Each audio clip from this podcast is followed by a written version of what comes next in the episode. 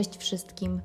Witam Was w drugim podcaście Dzienników Zakrapianych Iranem. Bardzo się cieszę, że tu jesteście i zapraszam Was na dzisiejszy odcinek o Bośni.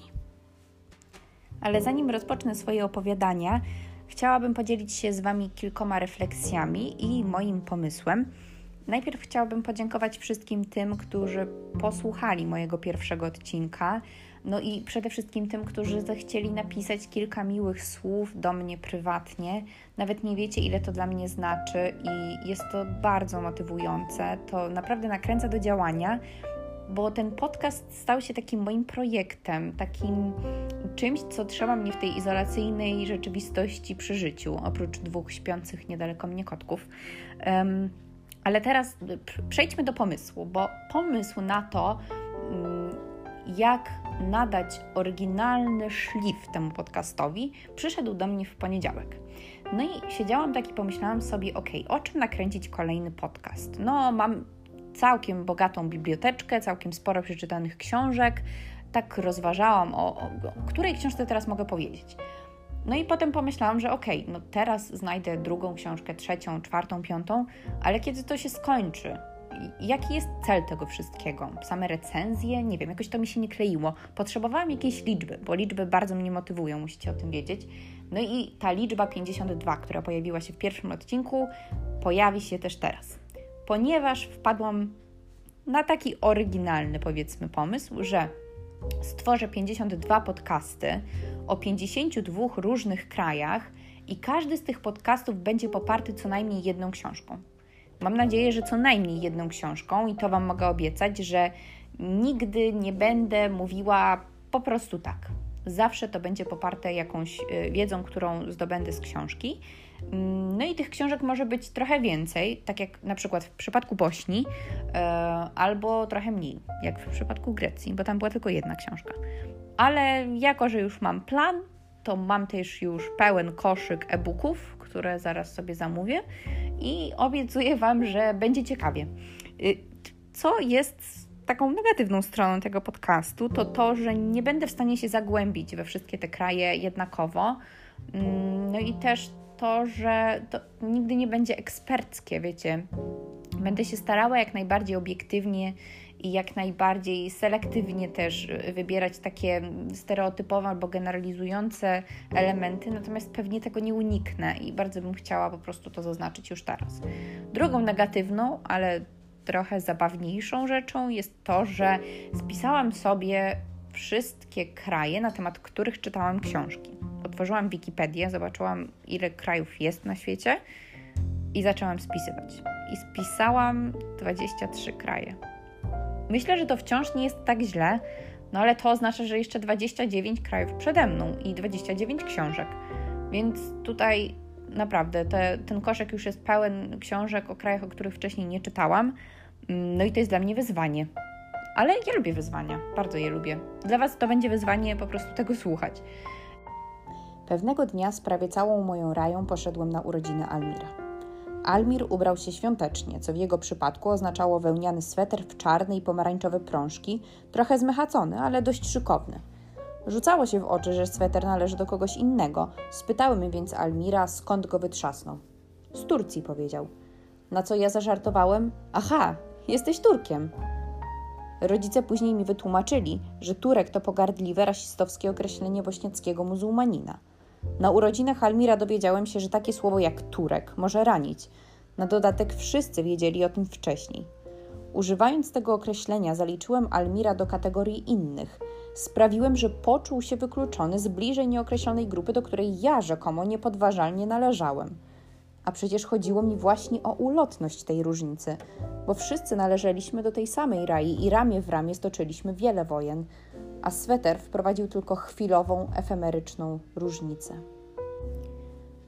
Ten cytat pochodzi z książki Dwa razy życie. Autorem jej jest Aleksander Hemon, a wydało ją wydawnictwo Dowody na istnienie.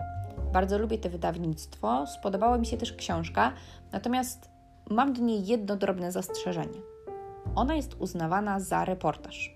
No moim zdaniem jest to zdecydowanie książka bardziej autobiograficzna, z elementami reportażu w niektórych miejscach, natomiast skupia się przede wszystkim na życiu autora i te refleksje są spisane przez samego bohatera. Tutaj pojawia się wątek emigracji i poszukiwania własnej tożsamości na tej emigracji, co gdzieś osobiście bardzo mnie interesuje.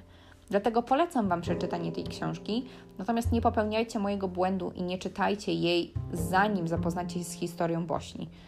Ona jest bardzo szczegółowa i ma wiele niuansów, których po prostu nie wyłapałam, bo nie znałam jeszcze na tyle dobrze historii Bośni. Dlatego też myślę, że powinniście zacząć swoją czytelniczą przygodę z Bośnią od innej książki, a te zostawcie sobie na później. O książkach, które Wam polecam na temat Bośni, będę mówiła pod koniec tego odcinka, więc słuchajcie uważnie, jeśli interesuje Was ten temat. Zacznę raczej od historii Bośni i od moich wrażeń, bo akurat mieliśmy okazję być w Bośni na przełomie 2019 i 2020 roku i przyznam Wam szczerze, że totalnie zakochałam się w tym kraju. Nie mogę w ogóle zapomnieć jakoś o tym, co tam widziałam, co słyszałam, czego się dowiedziałam. To była jedna z takich najbardziej otwierających oczu podróży. I y, może też dlatego cały czas gdzieś czuję niedosyt i cały czas szukam nowych rzeczy, szukam nowych książek na, na temat Bośni. No i dlatego po prostu chciałam się podzielić z Wami moją pasją. Zacznijmy zatem od historii Bośni. Bośnia i Hercegowina, którą znamy, istnieje od 1992 roku, kiedy to w referendum zdecydowana większość, bo aż 99% ogłosiła chęć posiadania niezależnego państwa. Większość powiedziała, że Bośnia powinna być samodzielna i powinna opuścić Jugosławię. Bośnia nie była pierwsza, ale to właśnie ten kraj ucierpiał najbardziej na chęci bycia niezależnym, bowiem nie przyjęli tego pozytywnie Serbowie, jedna z trzech głównych grup etnicznych w Bośni. O tych grupach powiem więcej teraz, bo dla mnie było to niesamowicie ciekawe.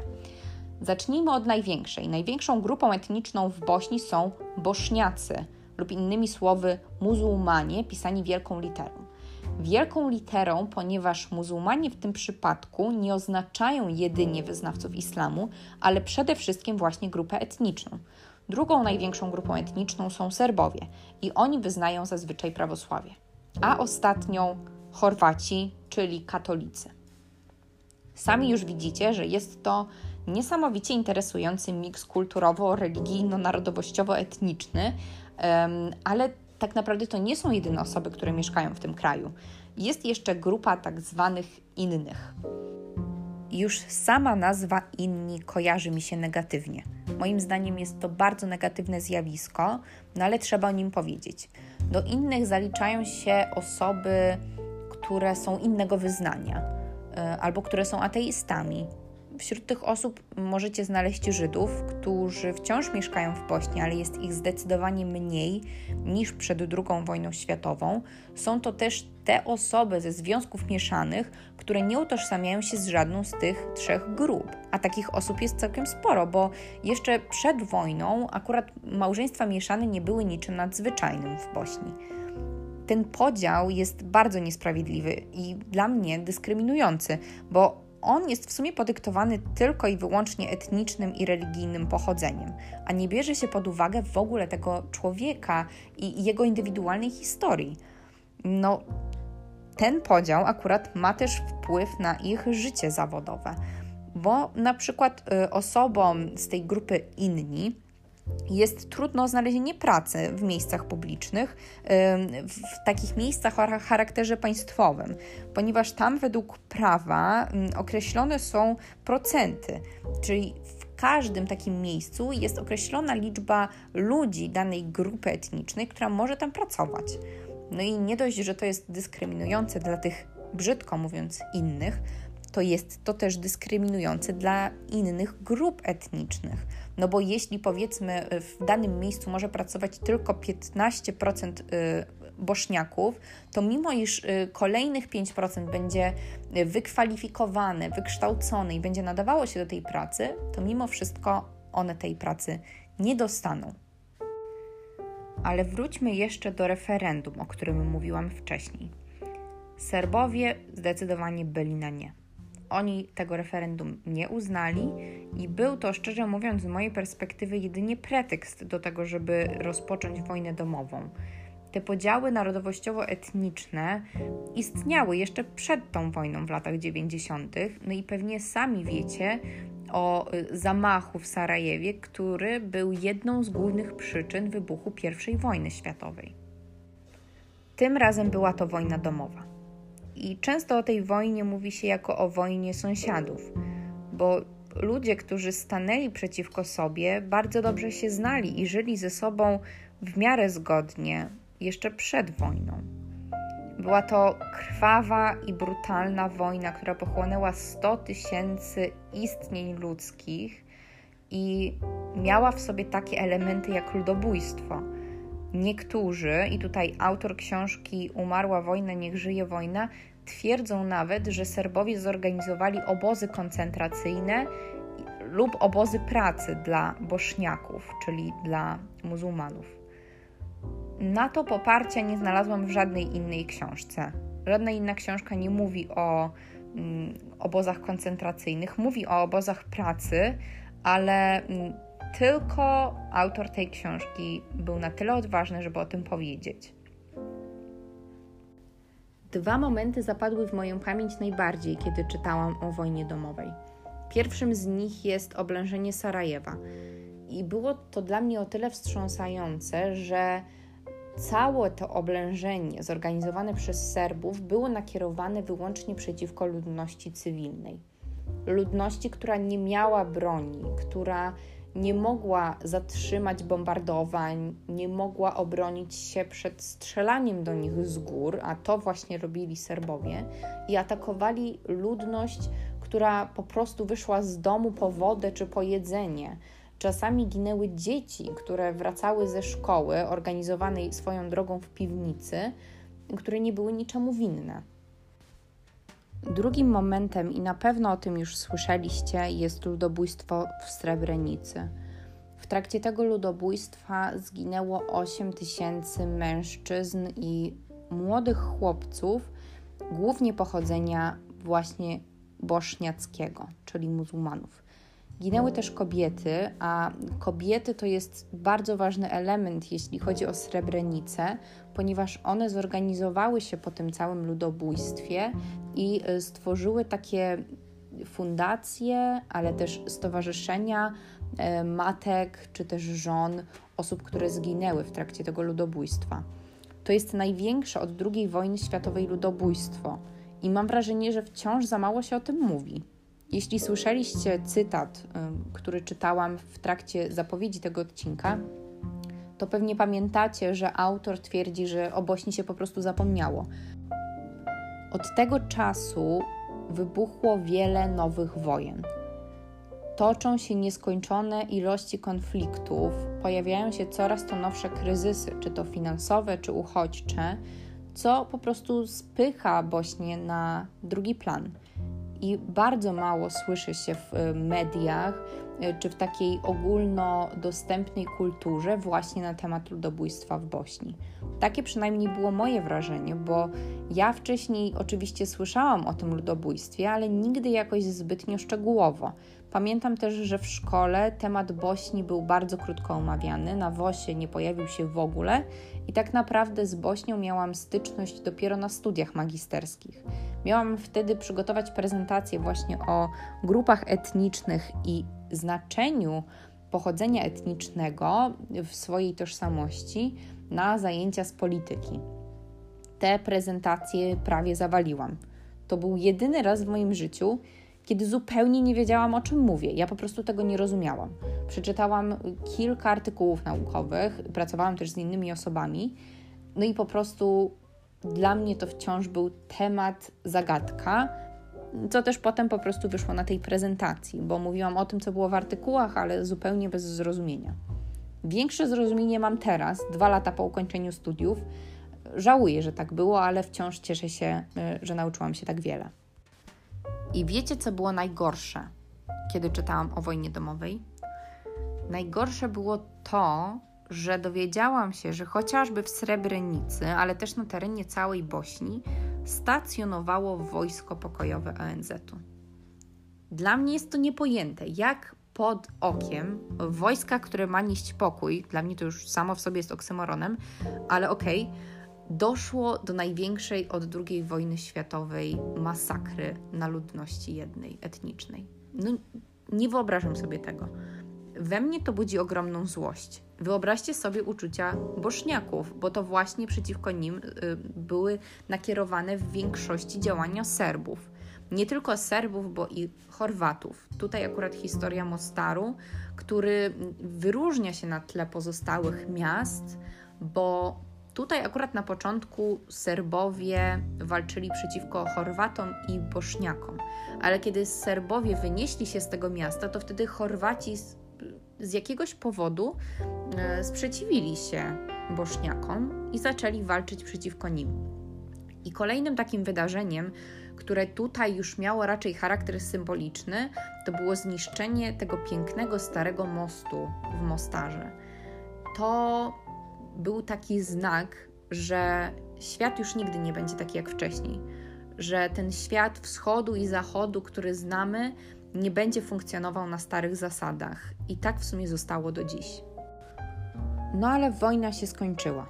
Wojna skończyła się w 1995 roku, czyli dokładnie w tym samym roku, w którym urodziłam się ja, a ukończyła się układem w Dayton. Dzięki temu układowi kraj został podzielony na takie, mam wrażenie, puzzle. Bo teraz Bośnia składa się, uwaga, z Republiki Serbskiej, której stolicą jest Banja Luka, i z Federacji Bośni i Hercegowiny ze stolicą w Sarajewie.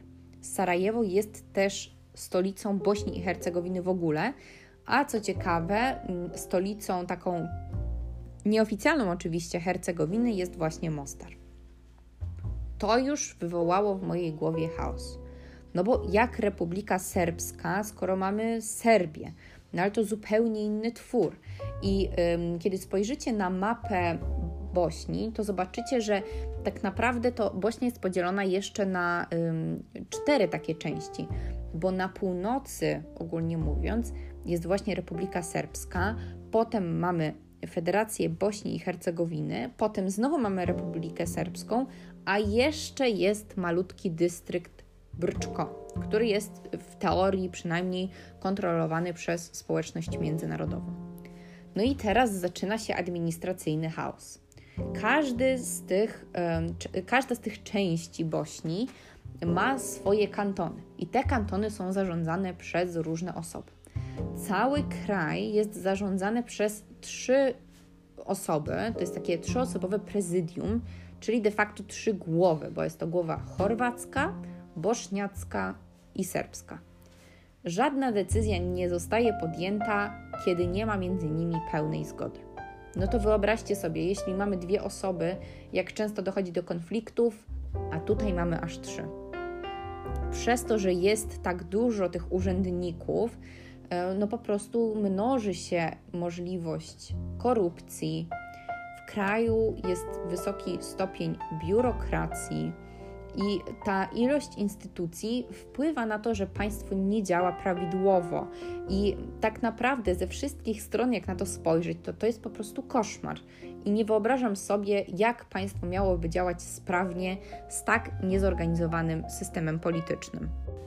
Polityka nie jest jedynym problemem Bośni. Bośnia uwikłana jest też w inne problemy, bardziej już społeczne, i jest to wciąż rosnący nacjonalizm, bezrobocie, łapówkarstwo, nepotyzm, brak inwestycji, przede wszystkim brak inwestycji w tę stronę boszniacką. Jeśli chodzi o stronę chorwacką, w Mostarze na przykład, to wygląda ona zdecydowanie lepiej niż ta strona wschodnia, zamieszkana przez muzułmanów. A to dlatego, że bośniaccy Chorwaci są wspierani przez Chorwację, bośniaccy Serbowie przez Serbię. A bośniacy tak naprawdę oprócz Bośni nie mają nikogo, bo nie stoi za nimi żaden duży kraj. Dostają oczywiście dofinansowania na przykład z Turcji albo z Arabii Saudyjskiej, ale to nie jest bezinteresowne działanie ze strony tych krajów. Turcja na przykład funduje bardzo dużo mm, remontów meczetów albo właśnie budowy nowych meczetów, do czego ambasador Turcji się nie przyznawał w wywiadzie z jednym z autorów książek, a Arabia Saudyjska funduje na przykład szkoły religijne. No i wiadomo, że to jest niebezinteresowne ze względu na charakter tych szkół. One mają na celu forsować konkretną ideologię. I tak pozostawieni sami sobie boszniacy polegają tylko na tym kraju, który mają. Czasami wpadają w sidła radykalnego islamu ze względu na swoją historię, na to, jak zostali poszkodowani w wojnie, i nie chcę ich tu usprawiedliwiać. Chcę Wam tylko pokazać, jak działa taki proces. Opowiem teraz więcej o mojej podróżniczej perspektywie i pierwszym aspektem, który wysuwa się po tym, co widziałam w Bośni, to jest przede wszystkim konflikt narodowościowy. On wcale się nie skończył wraz z zakończeniem wojny i świetnym przykładem jest tego Banja Luka. Typowo serbskie miasto. Na ulicach Banja Luki widać wszędzie flagi Republiki Serbskiej, ale nie widać ani jednego przykładu flagi Bośni i Hercegowiny, czyli tej takiej żółto-niebieskiej. W Banja Luce funkcjonuje też inny język, inny alfabet, inne nazwy miast, ale też inne nazwy potraw. I co ciekawe, jeśli zamówicie tę samą potrawę w Sarajewie i w Banja Luce, dostaniecie zupełnie co innego do jedzenia. Te nazwy są inne ze względu na to, że usuwane są z nich te słowa, które mają charakter bośniacki. To bardzo smutny i kolejny niestety przejaw nacjonalizmu Serbów. Nie wszystkich, ale mimo wszystko warto o tym wiedzieć, że to poczucie odizolowania i chęć odłączenia się od Bośni jest wciąż w Serbach żywe. Innym zjawiskiem, na które zwróciłam uwagę, było coś, o czym dowiedziałam się dopiero w Mostarze. Tam spotkaliśmy pewnego wyglądającego chorwacko młodego chłopaka, z którym nawiązaliśmy taką normalną rozmowę o podróżowaniu właśnie po Bośni. Zapytaliśmy go, jak najlepiej dostać się do Banialuki z Mostaru. On powiedział, że nie wie, bo nigdy w Banialuce nie był. Dla mnie to było ogromne zaskoczenie, bo to tak jakby ktoś w Polsce powiedział mi, że nigdy nie był w Krakowie, albo w Warszawie, albo w innym takim całkiem sporym mieście. Wtedy jakoś nie przywiązywałam do tego wagi. No ale po powrocie zaczęłam czytać i czytać, i okazuje się, że takie zachowania nie są odosobnione. Okazuje się, że wielu e, bośniaków pochodzenia serbskiego nie odwiedza tej części e, Federacji Bośni i Hercegowiny i to działa też w dwie strony, bo osoby, które są z Federacji Bośni i Hercegowiny, bardzo niechętnie jeżdżą właśnie do Republiki Serbskiej. Kolejnym niestety negatywnym spostrzeżeniem są wszechobecne zniszczenia. We wspomnianej Bania Luce zniszczono wiele meczetów, a wśród nich najpiękniejszy i najstarszy meczet Farhadia. W Mostarze wspomniany Stary Most, ale też okolice Starego Mostu, czyli takie historyczne centrum, w Sarajewie zniszczeniu uległo wiele budynków. Wiele budynków wciąż nosi ślady po bombardowaniach, a raczej po odłamkach y, z tych bomb. Na ulicach możecie znaleźć tak zwane róże Sarajewa, które symbolizują właśnie miejsca y, zbombardowane w trakcie wojny ale koniec końców Bośnia jest przepięknym krajem. Byłam naprawdę pod ogromnym wrażeniem, podróżując sobie czy to autobusem, czy niewielkim busem z jednego miasta do drugiego, co zajmowało zazwyczaj dużo więcej godzin niż się spodziewałam. I tutaj zabawna anegdotka. Jeździliśmy od miasta do miasta właśnie wyłącznie autobusami, bo pociągi też są, ale jest ich zdecydowanie mniej, co tu dużo mówić. Busy są bardziej popularne, natomiast one jeżdżą w takich dziwacznych godzinach. Na przykład chcieliśmy jechać z Jajc do Sarajewa i autobusy były albo tylko rano do godziny 10, albo potem o godzinie 17, 23 i 2 nad ranem. Na początku nie wierzyłam, kiedy Google Maps pokazało mi, że 250 km pokonamy w 3,5 godziny. Faktycznie Google Maps się myliło, bo tę trasę pokonaliśmy w 4,5 godziny i byłam tym absolutnie załamana, ale okazało się to całkiem normalne w Bośni. Po prostu stan dróg jest tragiczny. Są to zazwyczaj jednopasmowe drogi bez jakichkolwiek zabezpieczeń i y, są one też bardzo wąskie, więc kierowcy powinni uważać i powinni jechać całkiem wolno no, naszym kierowcom nie przeszkadzało na przykład w prowadzeniu y, takiego busika czy autobusu, rozmowy z innymi pasażerami, niekiedy nawet kłótnie, palenie papierosów czy rozmawianie przez telefon. Przeżyłam w Bośni najgorsze chwile swojego życia podróżniczego, jeśli chodzi o bezpieczeństwo podczas transportu. No ale przy okazji mogłam podziwiać piękne widoki, bo kiedy przejeżdżaliśmy przez różne właśnie górzyste miasta, yy, mieliśmy okazję podziwiać i góry, i rzeki, które mają niesamowity kolor w Bośni i ten kolor mam w głowie do dzisiaj. I pięknymi widokami przejdziemy do przyjemniejszej części tego podcastu, w której powiem Wam o tym, co pozytywnie zaskoczyło mnie w tym kraju. Nie mogę nie wspomnieć o ludziach. Ludzie, których tam spotkaliśmy, byli bardzo pomocni i otwarci. Byli to zarówno Serbowie, Chorwaci, jak i e, Bośniacy, i wszyscy byli dla nas życzliwi. Ci oczywiście, z którymi byliśmy w stanie się porozumieć, ponieważ poziom znajomości języka angielskiego oceniałabym jako stosunkowo niski, a nie pomagał tutaj ani angielski, ani polski, ani niemiecki, ani rosyjski, ani turecki. Jak widzicie, wyciągnęliśmy najcięższe działa i żadne z nich nie zadziałało. Ci, z którymi udało nam się porozumieć, okazali się bardzo pomocni i wskazywali nam miejsca, takie jak restauracje czy jakieś zabytki, o których wcześniej nie słyszeliśmy i które też nie były w naszych planach ani w naszych przewodnikach. I tu muszę wspomnieć o cudownej osobie, którą spotkaliśmy w Mostarze. Był to przewodnik pieszych wycieczek. Napisałam do niego na WhatsAppie, zanim w ogóle zdecydowaliśmy się na pierwszą wycieczkę z nim, ponieważ martwiłam się, czy zdążymy na bus właśnie do Banialuki. Napisałam do niego, jak wygląda nasza sytuacja, i on powiedział, że na pewno przychodźcie, jak trzeba będzie, to skończymy tę pierwszą wycieczkę wcześniej. On szybko pobiegnie do domu i nas zawiezie na busa, albo możemy poczekać u niego w domu nawet jeden dzień dłużej i, i możemy pojechać do Banialuki kolejnego dnia. No niestety to nie wchodziło w grę, bo mieliśmy wszystkie bilety samolotowe już dograne na kolejny dzień, no ale takie ciepło po prostu płynęło z niego. Cały czas go śledzimy na Twitterze i na Instagramie. No i mamy nadzieję, że kiedyś wrócimy do Mostaru, ale też do Bośni w takim cieplejszym okresie, bo byliśmy niestety na przełomie grudnia i stycznia. Nie mogę też nie wspomnieć o jedzeniu. Tyle burka, ile zjadłam w Bośni, to chyba nie zjadłam w całym swoim życiu, a na pewno nie zjadłam tyle, co w Turcji. A w Turcji byłam trzy razy. Ten burek bośniacki jest pyszny. Jest naprawdę tłuściutki i pełen sera, do tego gęsty jogurt, bo tam nie mówi się ayran, ale jogurt. No i tak naprawdę śniadanie mamy z głowy. Na obiad koniecznie dżewapcidzie. Mam tutaj zielony znak od Ozana, że tak się właśnie mówi. Więc to jedliśmy zazwyczaj na obiad. Jest to taki kotlet w bułce.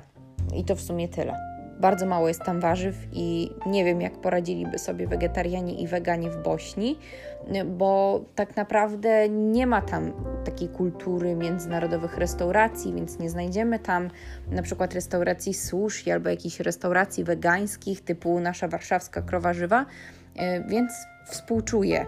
No i myślę, że warto zaopatrzyć się w jakieś swoje jedzenie. Na koniec desery. Wszystkie te można znaleźć też w Turcji. Objadłam się baklawą i künefę, popiłam to wszystko bośniackim czajem albo bośniacką kawą i wróciłam do Polski zdecydowanie grubsza niż z niej wyjechałam.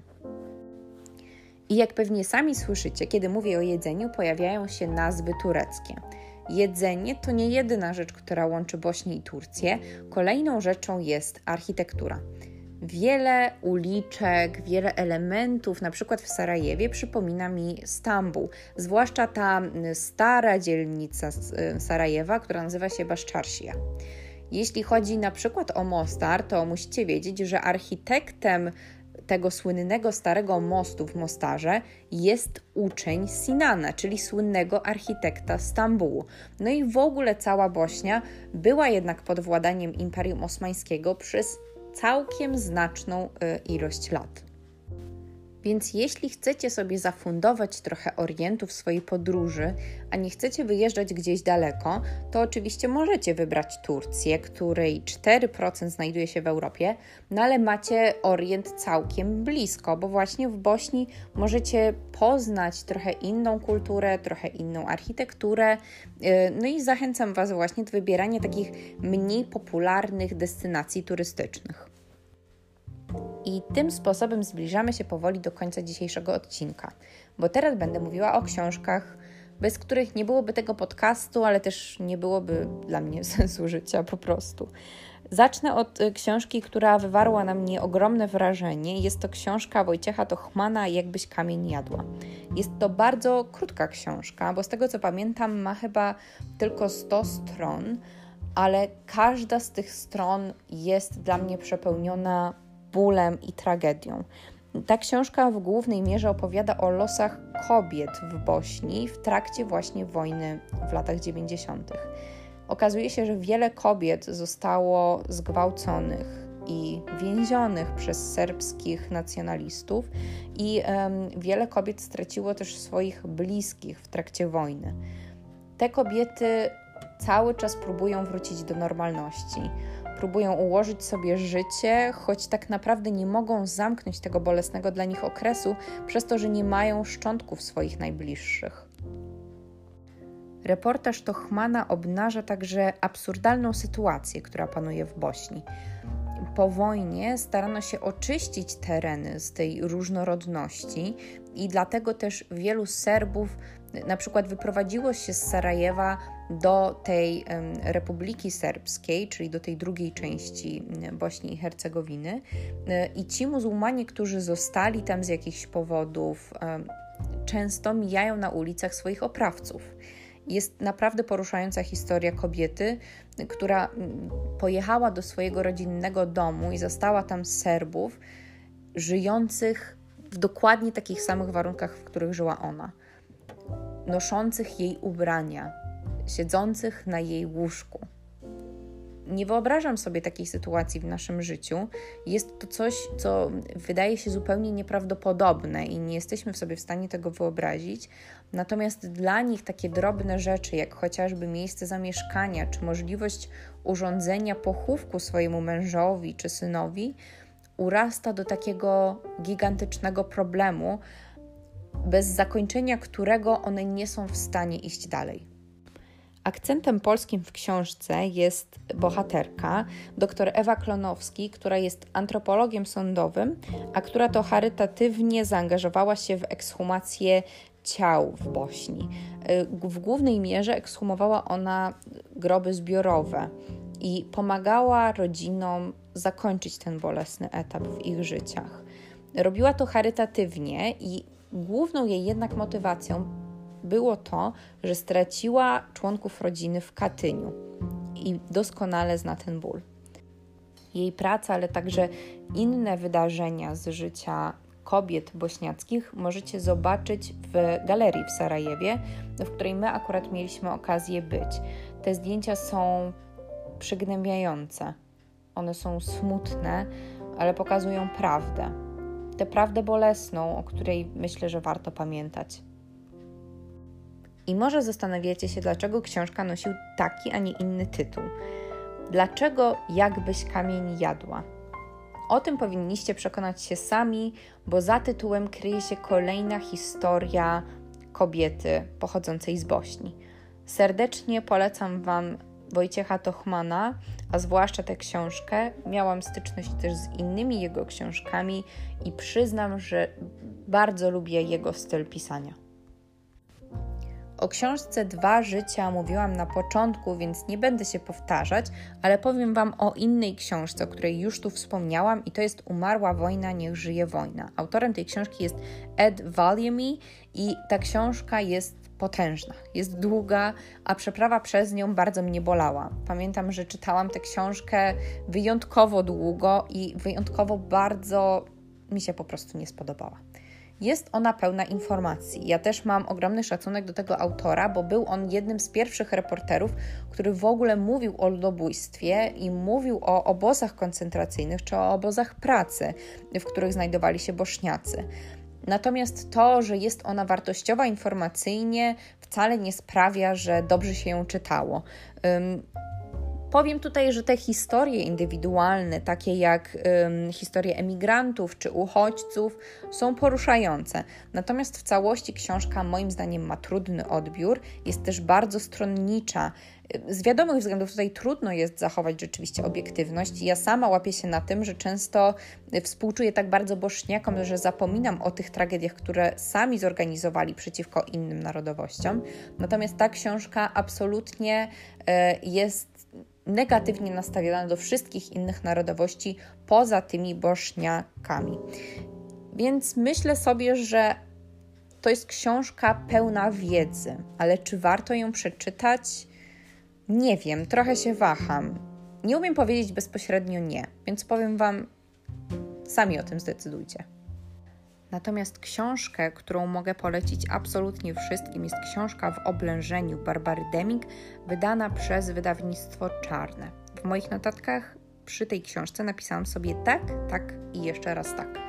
Dlaczego tak dużo tak? Dlatego, że historie, które opisuje autorka, są nie tylko poruszające, ale także bardzo ludzkie. One pokazują tę stronę wojny, tę stronę oblężenia w Sarajewie, której nie spodziewałam się i której też nie znalazłam w innych książkach. Opisuje ona bowiem życie sąsiadów na jednej ulicy w Sarajewie. My na tej ulicy nie byliśmy i mam nadzieję, że kiedy będziemy tam kolejny raz, to będziemy mogli ją odwiedzić. No ale wracając do tych sąsiadów, to co ciekawe, oni wszyscy byli różnego pochodzenia. Obok siebie mieszkali Serbowie, Chorwaci i Boszniacy i żyli zupełnie zgodnie, nie tylko przed oblężeniem, ale przede wszystkim w jego trakcie, ponieważ oni postanowili się solidaryzować i przetrwać ten czas wspólnie. Co jeszcze podobało mi się w tej książce, to próba zachowania obiektywizmu przez autorkę.